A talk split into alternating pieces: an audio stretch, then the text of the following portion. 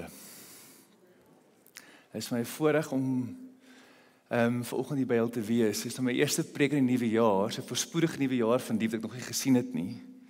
Ehm um, my hoop en gebed hierdie jaar vir ons gemeente is is dat ons op ons eie manier ook met God sal ontmoet. Op ons eie manier onsself sal vind in die groot storie van 'n God wat vir ons lief is. 'n God van hoop, 'n God van lewe en 'n God van lig. Voor ek begin vanoggend, sal ek graag wil uitnooi dat ons saam bid om ook die oggend ja, reg te begin. Kom ons kom ons bid saam.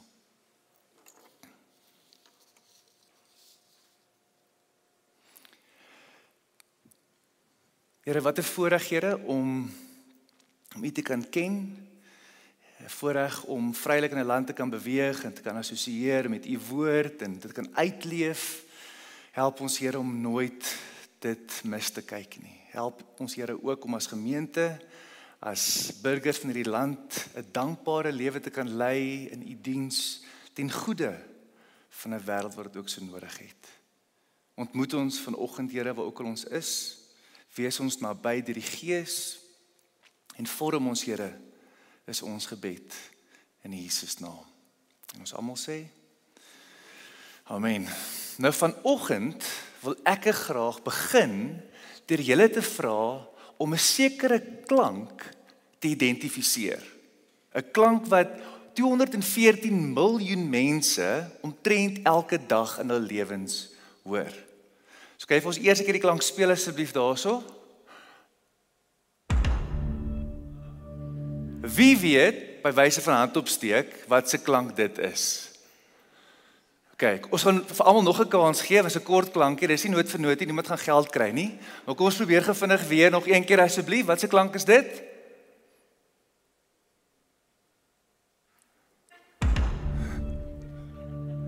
Kos, wie wie weet nie wat se klank dit is nie. So 'n paar van julle, kyk na die demografie, dit maak sin, dit maak sin.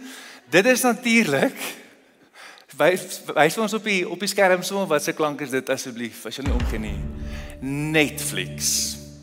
214 miljoen mense kyk Netflix. Netflix is 'n aanlyn platform waarop jy kan flieks kyk en ook series kyk. Tydens die hoogtepunt van die pandemie het mense gemiddeld 4 uur en 12 minute 'n dag Netflix gekyk, gemiddeld. So jy moet eers uit average. Baie mense op die laer vlak, baie op die hoër vlak, maar op average 4 ure en 12 minute. Ek het dit reg gesê die eerste keer dink ek. Hy het 140% gegroei in daai tyd. En ehm um, dit is een van die bekendste klanke wat ek dink tans op die planeet is. Nou ons hou hoekom hou ons van Netflix? Ons hou van stories. Navorsing wys vir ons dat 30% van jou dag dagdroom jy. So vir ouers daar buite wat miskien 'n tienerkind het, bietjie meer genade te hê met hulle, 30% van die dag dagdroom jy as jy nie vasgevang word in 'n ander storie nie. As jy nie 'n ander movie kyk of 'n ander series of as iemand vir jou iets vertel nie, 30% van jou dag dagdroom jy. Storievertelling kom natuurlik oor die eeue heen. Selfs voor daar woorde was, het mense begin stories vertel. Hierdie is die verskoon my baie provinsiale uitspraak van die Franse woord, maar hierdie is die Lacau grotte in Frankryk wat so 15 tot 17000 jaar oud is. Storievertellinge kom oor tyd wat vertel van groot ongediertes. Dit was 'n oorlewingsmeganisme gewees om mense te help verstaan wat is die gevaar daar buite. Dit was ook die manier gewees om vertel het van hoe om te jag in hierdie geval. Ons eie weergawe die volgende van die Boesmans is hier besig ek raai om 'n eland te jag en wys nou van die groot jag wat hulle wel gehad het wat al seker ten minste vir 2 of 3 weke kon voed. Die vo volgende een was van die eerste mense wat gesukkel het met hulle internetkonneksie. Jy kan sien aan die onderkant daarso, dankie ek speel dit gelag. Die volgende een is natuurlik 'n great vertelling ook van die farao's, van die heel eerste high five, nê? Nee? Wat stories doen is stories help ons om koneksie te bou. Op 'n manier as 'n storie luisters, skei ons sekere hormone af wat koneksie bou tussen mense, wat ons help om mekaar dan ook te vertrou. En my laaste vinnige stoute storie vertelling is 'n baie bekende een. Nee, dis nie Simpson in die leeu nie. Dis ek Vrydag aand toe ek 'n sjokolaadeetjie laat val het en moes my eie hond ehm um, wrestle om seker te maak hy eet dit nie voor my nie. Vandag nog steeds is ons mal oor stories. Hartseer stories, held stories, gelukkige stories, romcom stories, drama stories, hartseer stories. Ons is storiemense. Diep binne ons elkeen het ons hierdie liefde, die voorliefde om te vertel van ons vorige jag rondom 'n braaivleisvuur. Om ons eie storie mure te skep, om ons eie geskiedenis te kan vertel.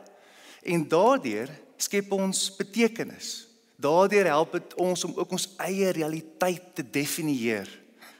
Stories natuurlik beweeg ons ook of bring ons in beweging in. Stories kan revolusies begin. Ons kan onsself ook vind in stories. Die stories wat ons self vertel oor en oor in ons kop oor wie ons is, hoe dinge werk en die wêreld werk. Ons vind onsself daarin. En uiteindelik vorm stories ons. Die storie wat jy jouself vertel, gaan jou vorm en jou definieer. Wat jy sentraal in jou lewe plaas, gaan uiteindelik bepalend wees vir wie jy is en wie jy ook gaan word. Die belangrike vraag om te vra is in watter storie vind jy jouself? Wat is die storie wat jy konstant vir jouself vertel oor hoe die lewe werk? Wie jy is in daai lewe en hoe jy in verhouding staan met ander en ook die wêreld? As jy dalk nie weet wat hierdie sentrale storie is van jou lewe nie, is 'n goeie vraag om dalk te vra, weet waar ons spandeer ek my tyd? Wat neem my verbeelding oor? Waar droom ek? Wat is die bewegings wat my lewe na vore toe kom wat moontlik gedryf word deur hierdie moontlike onbewuste storie? En dan is die kwalifiserende vraag natuurlik, is die 'n goeie storie. Is die storie wat jy leef, die storie waar rondom jy jou lewe ook dan vorm, is dit 'n goeie storie. En is hierdie storie groot genoeg om die kompleksiteit in die nuance van jou lewe te kan ontvou? Of is die storie moontlik eendimensioneel? Is hy moontlik te vlak en te oppervlakkig om alles wat jy is en wie jy is te kan omvou. Een van my gunsteling skrywers, Donald Miller, skryf vir die ehm um, kort ding in sy boek en hy sê niemand gaan na 'n fliek toe oor 'n ou wat sy hele lewe lank gedroom het om 'n Volvo te besit nie. Niemand gaan in hulle in 'n fliek in om te kyk na hierdie ou wat sy hele lewe lank gespaar het om die Volvo te kry van sy drome en huil as hy uitry by die parking lot en hy toets sy wipers nie. Niemand van ons huil daaroor of gee 'n second thought nie.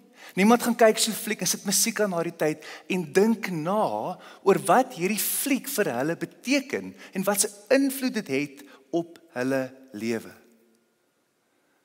Maar tog spandeer ons jare om actually sulke tipe lewens te leef. Volvo pursuing lives. As wat ons kies om met ons lewe te doen nie goed genoeg is om 'n goeie storie te maak nie en 'n betekenisvolle storie te maak nie, gaan dit ook nie 'n betekenisvolle lewe kan maak nie. Dink 'n bietjie daaroor. As wat ons kies om met ons lewe te doen nie 'n goeie storie gaan maak nie, of 'n betekenisvolle storie gaan maak nie, gaan dit ook nie 'n betekenisvolle lewe vir ons kan maak nie. Ons almal is besig om bewuslik onbewuslik die vraag te vra van wat is 'n goeie lewe? Wat gaan mense ook van my sê op my begrafnis? Ek het die voorreg gehad oor die laaste paar maande om bietjie meer begrafnisse as gewoonlik te doen en ek kon 'n getuie wees van die stories wat vertel word oor mense se lewens. Heilige grond. nê? Nee? Regtig. Vir regte voor 'n heilige grond om begetuie te kan wees oor die stories wat vertel word van 'n mens se lewe. Wat is 'n goeie lewe? Wat 'n raamwerk kies ek om my lewe in te plaas? Wat kies ek om my lewe rondom te wat is die spulpunt waarom ek my lewe sit? Wat natuurlik die vraag was van die ryk jong man in Matteus 19. As hy vir Jesus vra, "Goeie meester, wat is die goeie lewe? Wat moet ek doen om die goeie om die ewige lewe te kan hê?" Wat is 'n goeie lewe? Nou die Hebreëse woord hierso vir die ewige lewe is die frase ulam haba. Almal sê ulam haba. Dankie. Ulam haba. Dit let op wat Jesus nie hierso sien. Hy sê om die om die ewige lewe te kry, wil ingaan onderhou die gebooie. Hoor mooi, maar as jy in die lewe wil ingaan, onderhou die gebooie. Jesus praat nie hierso van wat om te doen dat jy kan hemel toe gaan nie. Hy sê om te praat oor wat gebeur as jy dood is nie. Jesus praat hierso van wat jy moet doen om die lewe te moet ingaan. Jesus praat nie van 'n ticket na 'n ander plek toe nie. Jesus praat voortdurend met sy mense oor wat hier moet gebeur, wat nou moet gebeur. Johannesburg, Suid-Afrika 2022. Die aksie in die ewige lewe waarvan Jesus voortdurend praat, is vir hier en nou. Dis 'n tipe van lewe wat bo tyd kan uitstaan. Die tipe van lewe wat die toets van tyd kan deurstaan. Dit is die uitnodiging van Jesus aan ons elkeen is die ewige lewe. Ek hoor van om te dink dat die deur die lewe en lering van Jesus ons ingenooi word in God se groot storie, sy kosmiese verhaal van die nuutmaak, heelmaak, regmaak van alles. God wat kies om op te daag in tyd en plek om te sê, kyk ek maak alles nuut. Ons word ingenooi as medewerkers van God om hemel op aarde te kan vestig. Die lewe van God dan en die Triniteit, God in sy diepste wese, is nie net 'n filosofiese oorweging nie. Dis nie bloot akademies nie. Maar glo dit is diep prakties want diep binnekant die lewe van God vind ons dan wat dit regtig beteken om mens te wees, om gemeenskap te wees. In die wisselwerking binnekant God vind ons 'n raamwerk waar rondom ons dan ook 'n lewe, 'n gemeenskap en 'n wêreld kan bou.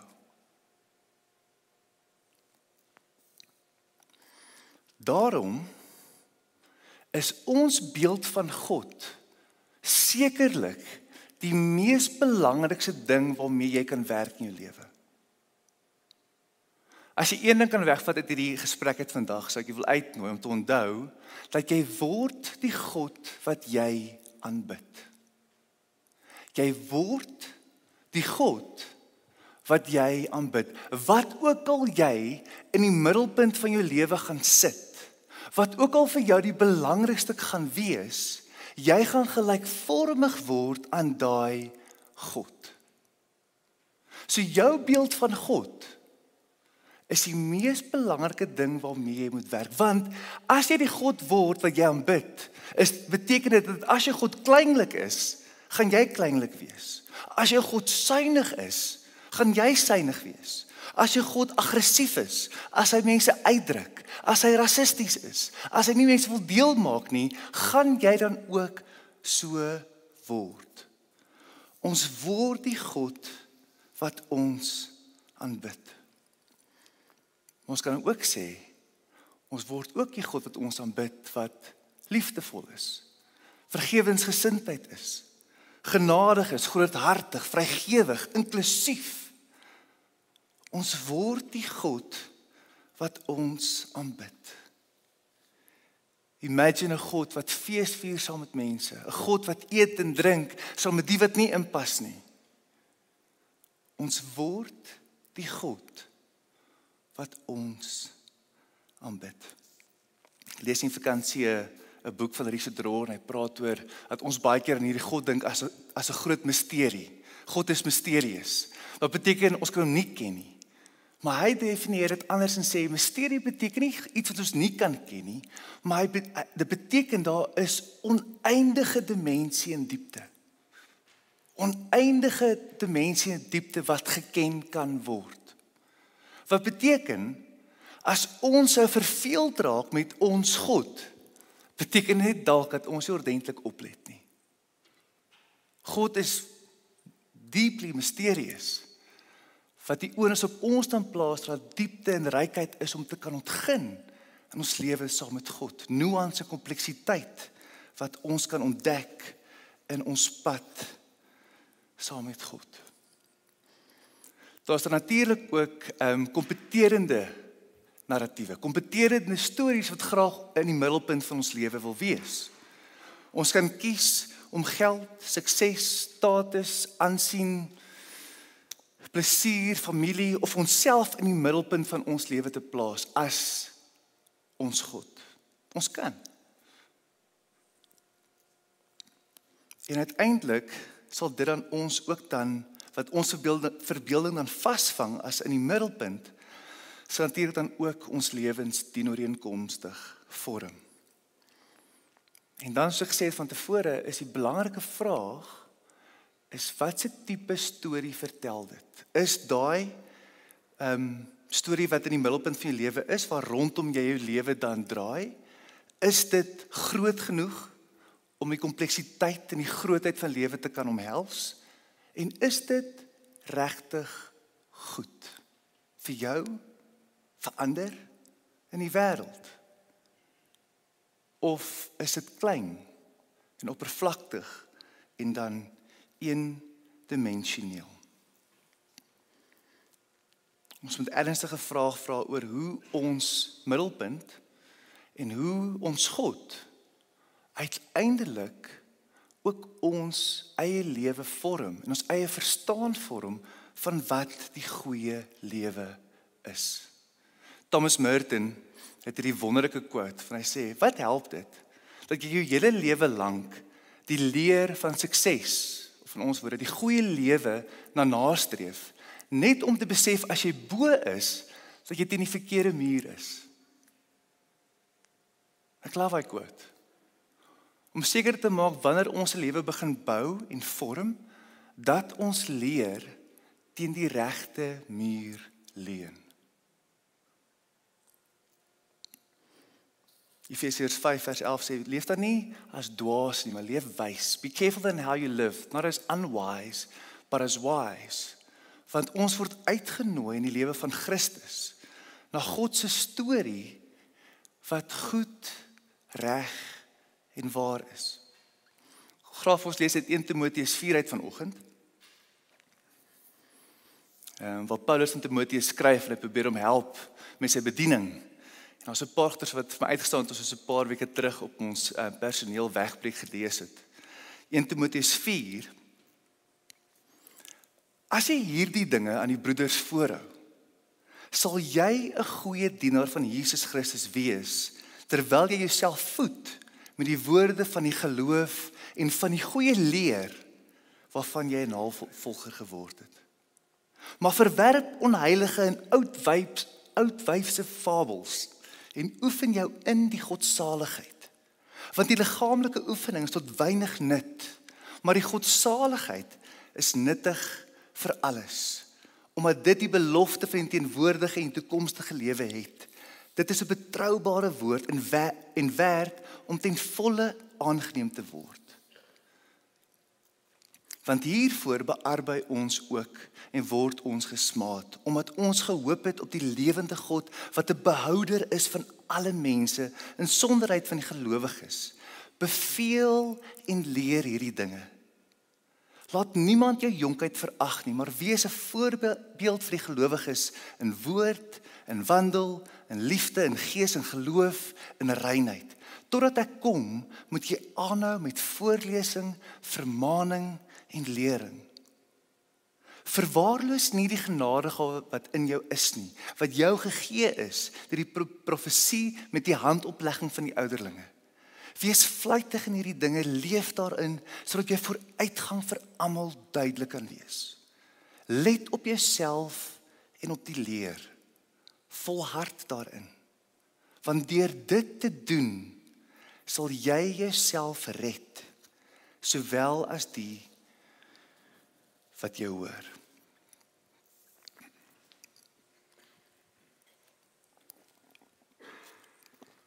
'n paar weke terug toe ons by 'n um, retreat was, is die woord wat vir my uitgestaan het in die gedeelte toe ons ons wandel in die woord gedoen het.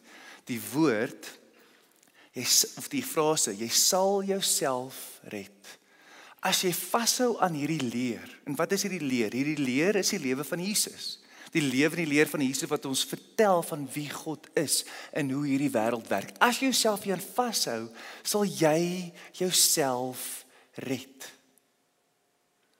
Nou gewoonlik dink ons na na die dood.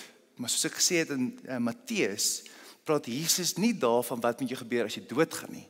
Dit praat nie oor die ticket wat jy kry om seker te maak jy kom in die hemel nie. Maar die ewige lewe is hier en nou. Dalk is dit die betekenis wat van Jesus wat ons red.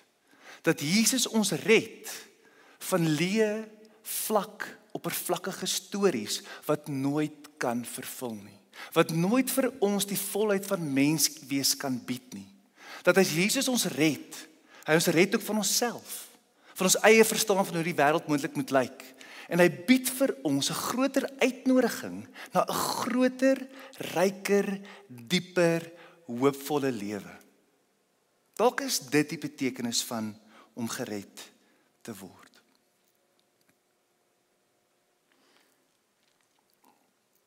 waarmee ek dink ons as as personeelspan en leraars vir al onsself wil mee besig hou is die transformasie van mense, die vorming van mense. En in hierdie nuwe hoofstuk waar ons self vind as gemeente, glo ons dat in die middelpunt van 'n lewe, van 'n goeie lewe, is die lewe saam met God. Als begin met God. Jy sal sien op die diagram wat ons gemaak het dat die middelpunt, die triniteitsteken is groter as die res. Ons doen dit vir 'n rede. Ons glo dat om 'n 'n rykvolle goeie lewe te kan lei, ons dit in verhouding met God moet leef. Dat hy die spulpunt moet wees, dat hy die middelpunt moet wees van waar alles uitvloei. Slegs in 'n verhouding met God glo ons, slegs geanker in God as die middelpunt kan ons die tipe lewe leef wat 'n goeie storie kan vertel. Wat die rykheid van menslike ervaring en die diepte wat moontlik is om in te kan leef ten volle te kan ontgin. Dink ek het 'n quote daar, ek is onseker van Donald Miller, anders lees ek hom gou.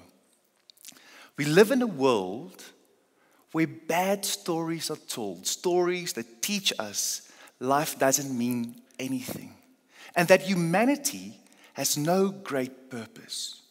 It's a good calling then to speak and live a better story. How brightly a better story shines, how easily the world looks to it in wonder.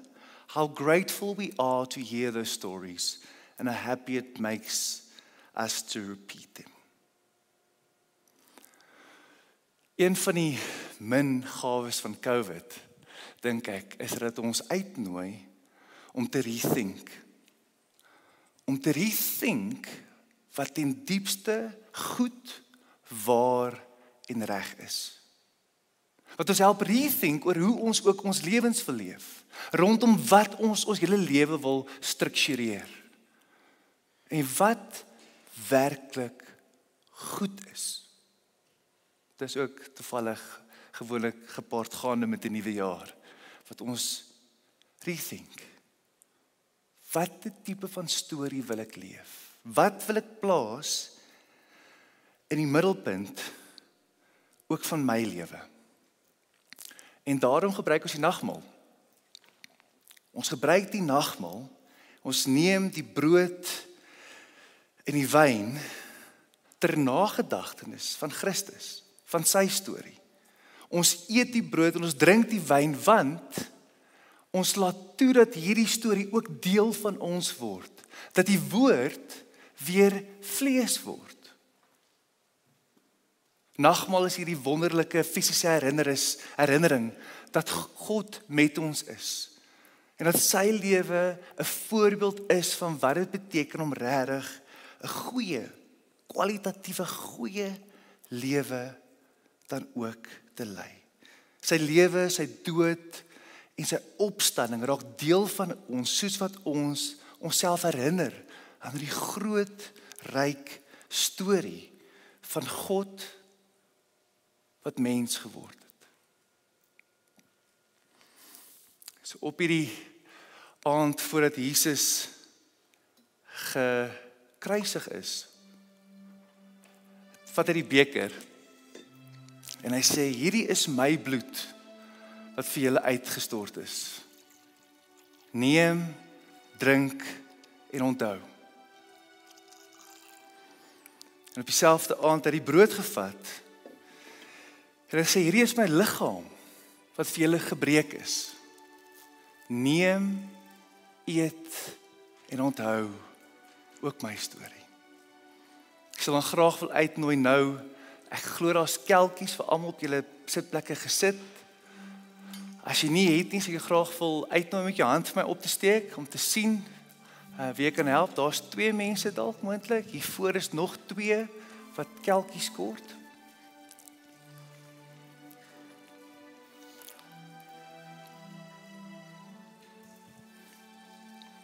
Dink hier voor is nog twee.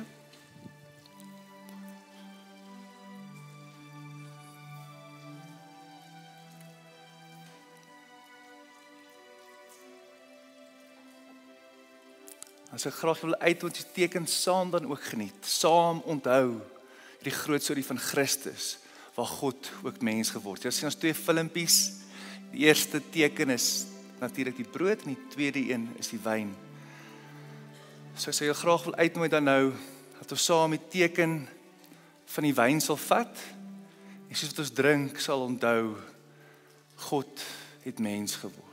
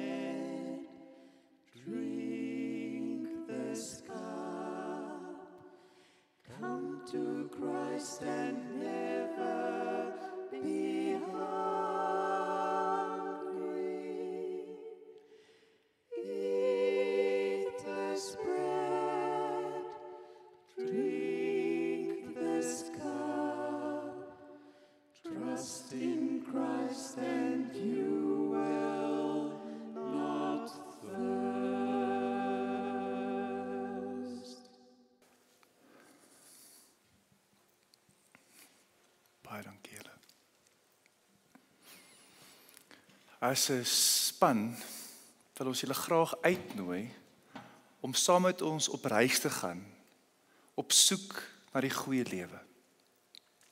Ons het hierdie wel dan werk al 'n hele paar jaar hier aan. Maar hierdie raamwerk geskep om saam met mense net handles te gee van hoe kan ons regtig die goeie lewe nastreef? Hoe kan ons ook seker maak dat woorde vlees en bloed aanneem? Dat ons ook hierdie lewe van God wat hy vir ons beloof in Christus ook kan aangryp. So ons het vir julle ons het twee inisiatiewe, wel twee goedjies. Eerstens hierdie klein uh, magneet. So as jy wil uitnooi om ergens te plak waar jy hom gereeld sal sien. 'n Yskas is 'n goeie plek byvoorbeeld.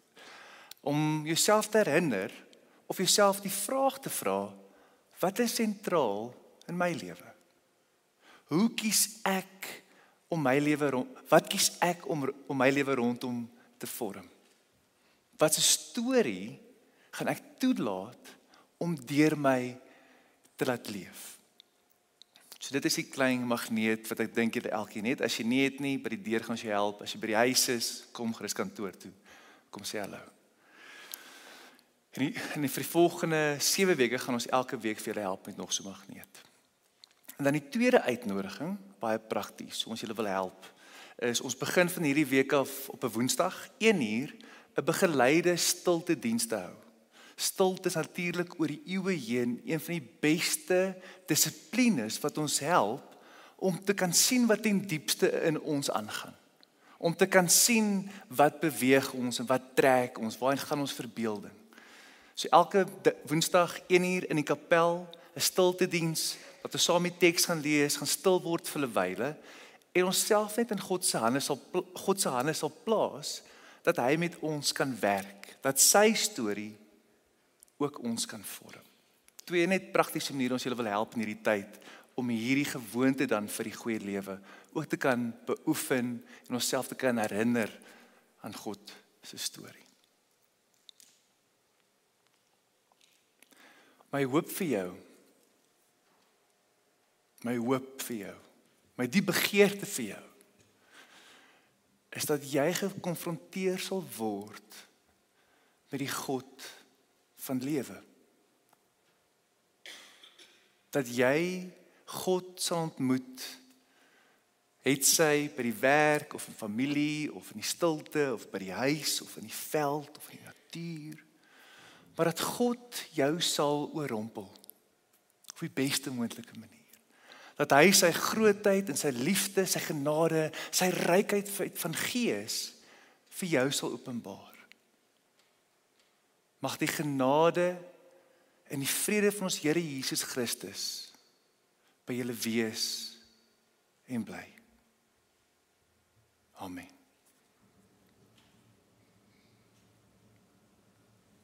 Kom ons staan en ons sing die slotlied saam.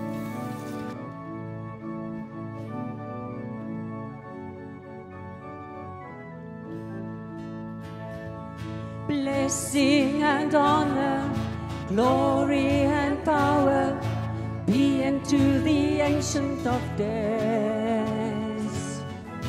From every nation, all of creation, bow before the ancient of days. Every tongue in heaven and earth shall declare your glory, every knee shall bow at your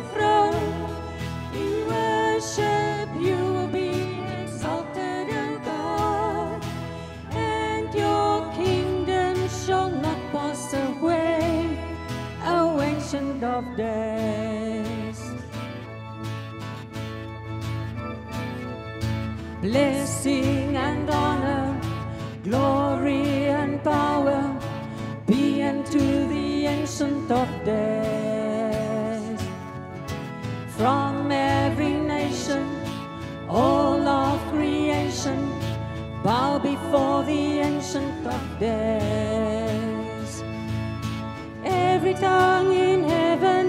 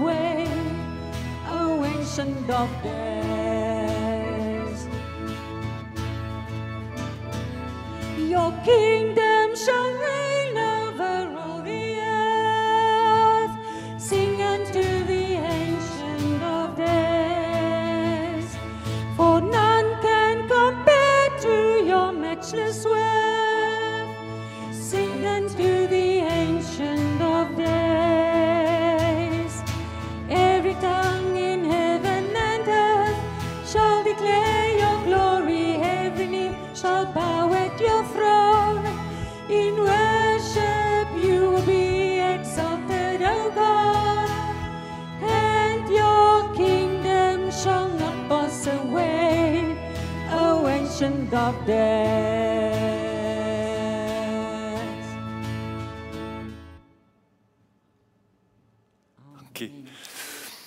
As ek mag, ons julle graag wil uitnooi vir koffie onder by die koffiewinkel natuurlik. Dit's lekker wees om almal so gesig tot gesig te sien. Vir die ouers met kinders tot en met graad 3. Julle kinders is onder by die A-raam by Vat 5 Fani. So hulle kan dalk net net so 'n bietjie oor die tyd gaan. So as jy jou kinders soek, sukkel gerus daar. En dan laastens, as jy nie in ons gemeente of nie weet wat aangaan nie, of net wil gesig wys, jy graag uitnooi. Ek Tom en Skalk gaan by die onderste container wees en mense wil graag ontmoet. So as jy 'n nuwe intrekker is, kom sê hallo, gee jou naam op as jy deel maak van die SMS groep. Jy kan deel weet wat aangaan in die gemeente en kan kyk hoe ons jou ook in diens van die Here kan help sit. Mag julle 'n fantastiese dag hê. Geniet familie en vriende. Sê vir hulle jy julle het mekaar lief. Dan sien ons julle weer eers in die week of volgende week. Genade en vrede vir julle.